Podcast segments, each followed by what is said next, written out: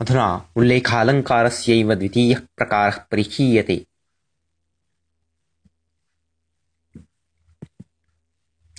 एकेन बहुधोल्लेखेऽप्यसौ विषयभेदतः। गुरुर्वटस्यर्जुनोऽयं कीर्तौ भीष्मश्च नाम, एकेनैव जनेन बहुधा उल्लेखे कृतेऽपि उल्लेखालङ्कारो भवति। यथा प्रस्तुते उदाहरणे राज्ञः वर्णने एकेनैव जनेन एवम् उक्तम्। अयं राजा वचसि गुरुरस्ति, तन्नाम गम्भीरः अस्ति।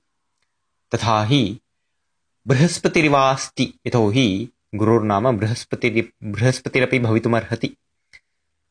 तथा हि कीर्तौ त्वयम् अर्जुनः, नाम धवलः, निष्कलङ्कः अस्ति। अथवा पाण्डव पाण्डवार्जुनवदस्ति। तथा हि श्रासने नाम धनुर्विद्यायां भीष्मः अस्ति भयानकः अस्ति। अथवा कुरुवंशे पितामह।